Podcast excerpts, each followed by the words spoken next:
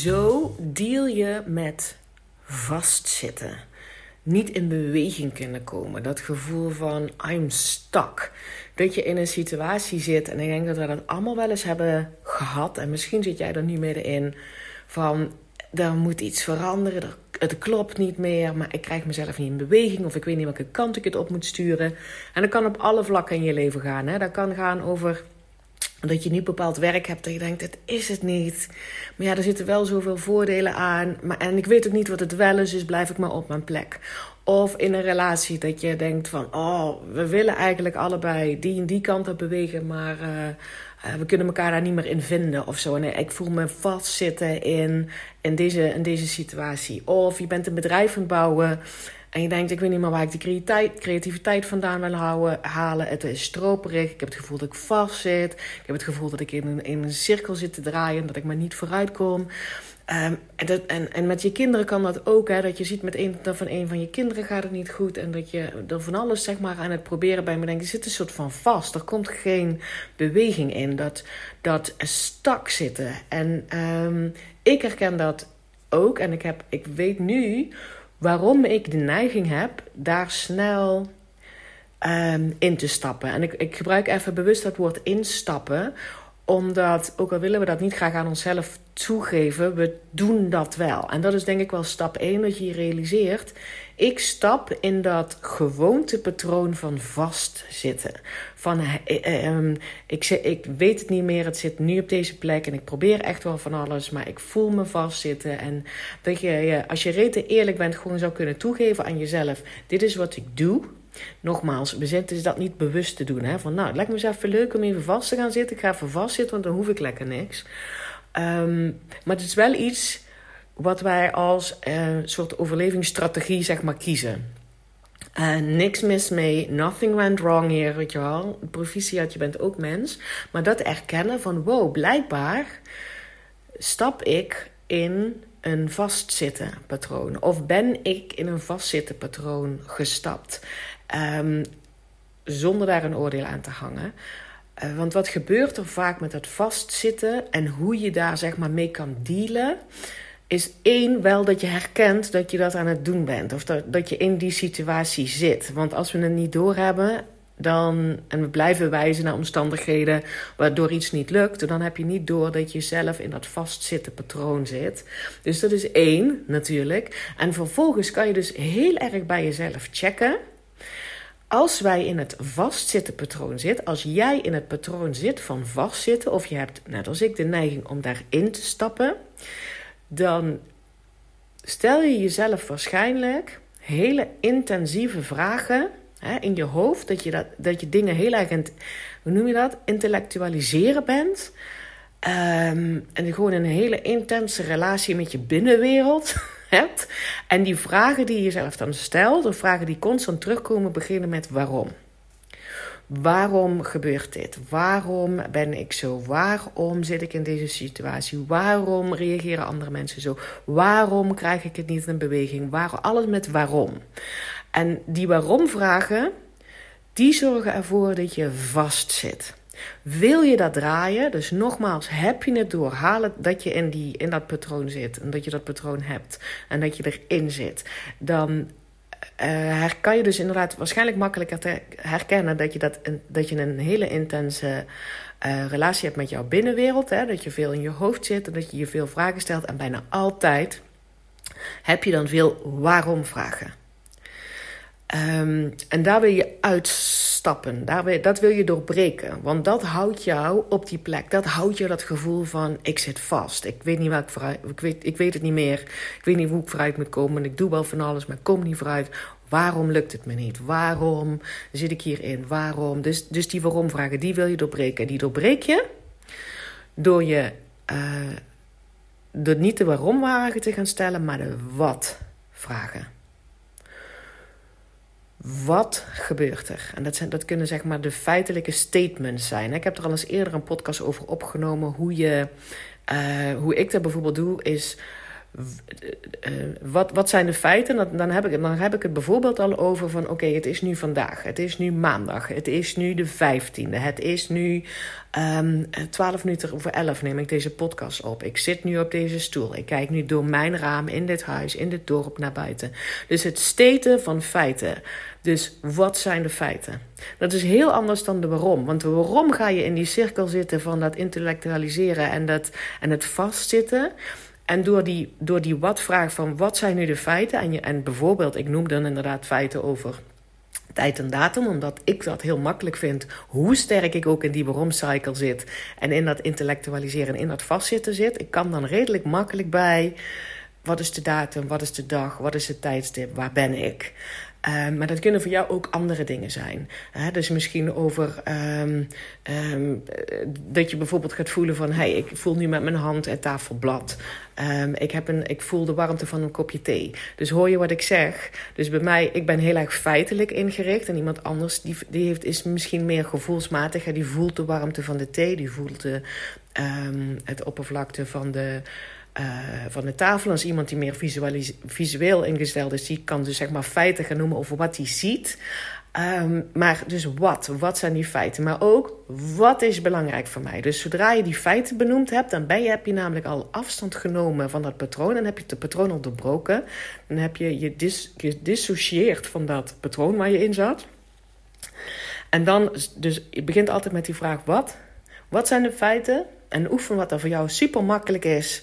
Zodat je uit die, uit, die cyclus van dat vastzitten komt. En dat herken je dus dat je niet meer in die waarom-vragen zit. Dat je dingen af gaat vragen. En dat je vindt dat je daar een oplossing voor moet vinden. Dat jij de antwoord op de waarom-vraag moet weten. Steten van die feiten, wat het dan ook maar is voor jou. En vervolgens kan je ook naar de vraag: wat is belangrijk voor mij? Wat is er nu waar voor mij? Wat weet ik wel? Um, en daardoor kom je in beweging. Dus het begint één met het oordeelloos erkennen dat jij in dat vastzitten patroon zit. En dat jij die neiging hebt om daarin te stappen. Nothing went wrong hier.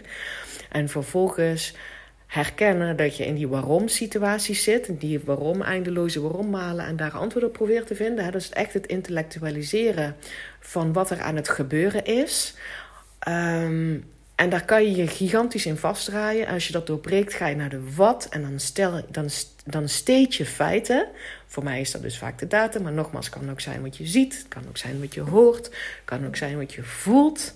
Wat feitelijk is voor jou. Waardoor je zeg maar een dissociëring hebt. Nou, um, dissociate, ja, een afstand hebt van dat patroon. En dan kan je ook de vraag stellen van wat is belangrijk voor mij? Wat weet ik wel? En ik heb ook al in een vorige podcast um, ergens gesteed. Volgens mij ging die over hoe kan je meer, meer en meer vertrouwen in jezelf krijgen. Is dat je dan inderdaad, zodra je die afstand hebt genomen en je zit in wat is belangrijk voor mij, wat is. Want dan heb je vaak de neiging, ik in ieder geval, dus jij waarschijnlijk ook, als zodra je weer zit in wat is belangrijk voor mij, dat je dan toch weer in dat in dat waarom en dat stakkenis gaat zitten. En dat kan je doorbreken door connectie te maken met je meest favoriete zelf. Met die versie van jou die je wil zijn en die je al bent. En heel vaak mensen zeggen van met je beste versie. Nou, dan gaat mijn hele rebelse kant gaat al... Uh, gaat al stuiteren, want dat is de beste versie van mij. Die houdt zich natuurlijk aan allerlei regels. Dat wil mijn rebelse kant helemaal niet. Maar ik kan wel zeggen aan de versie die ik wil zijn en die ik dus al ben. En dan gebruik ik ook vaak het woord van die favoriete versie van mij. Wat weet hij wel?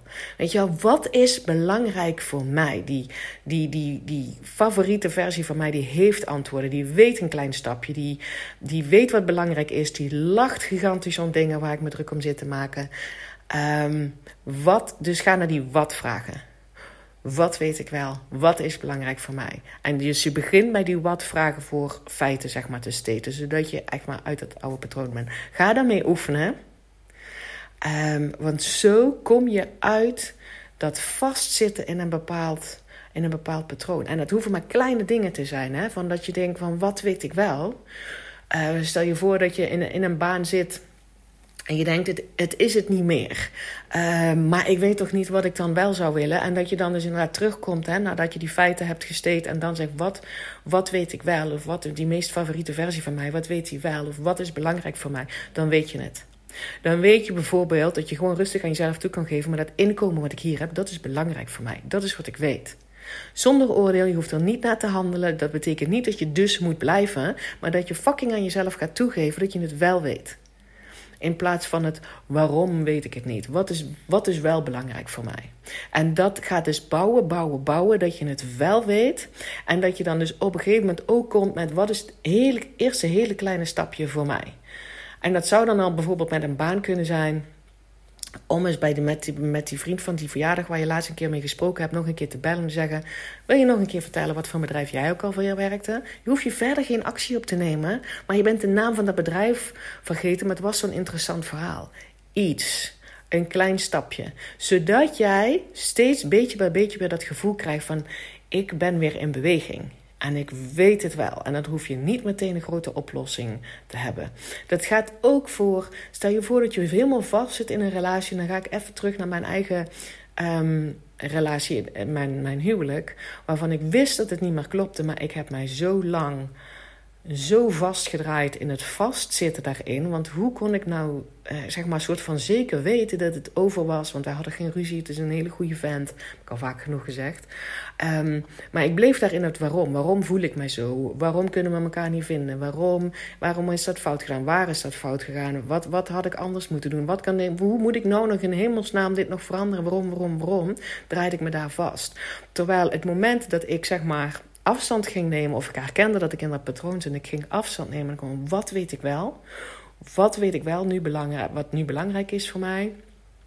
Maar vooral die vraag wat weet ik wel? Want er zijn soms hele klote, confronterende antwoorden die ik liever niet aan wilde gaan. Bijvoorbeeld dat ik, wat wist ik wel? Ik zag, en dat had ik op een gegeven moment heel duidelijk, ik zag geen toekomstbeeld. Ik vond geen gezamenlijk toekomstbeeld meer met hem. Wat ik heel erg kut vind als je zo lang bij elkaar bent, twee prachtige kinderen hebt, heel goed functioneert als gezin.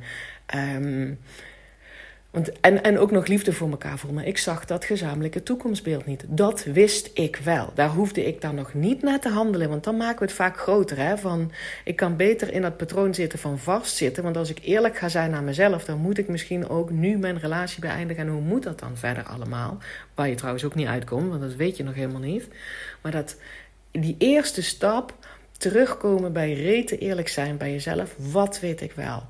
Wat is belangrijk voor mij? Ehm, en dat doe je dus door herkennen. Ik zit in die waarom-vragen, in het intellectualiseren. Die hele intense relatie hebben met je innerwereld. Dat ga je stoppen, doorbreken. Door, zonder dat je afkeuring naar jezelf hebt, maar door het steten van die feiten.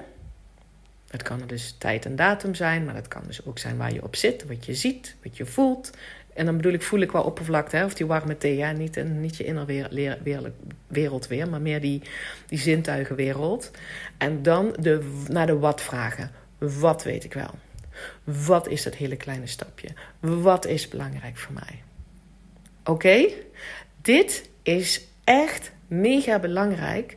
Ga hiermee oefenen, want dit is jou. Zo dier je met help, ik zit vast. Oké, ga ermee aan de slag. Heb je nog een vraag? Weet mij te vinden. Hè? Stuur mij een mailtje op contact.pamvandeberg.nl Dankjewel voor het luisteren naar deze podcast. En ik spreek jou heel graag bij de volgende podcast.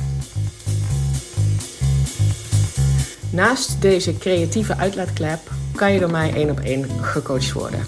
Interessant voor jou? Stuur mij een mailtje contact.pamvandeberg.nl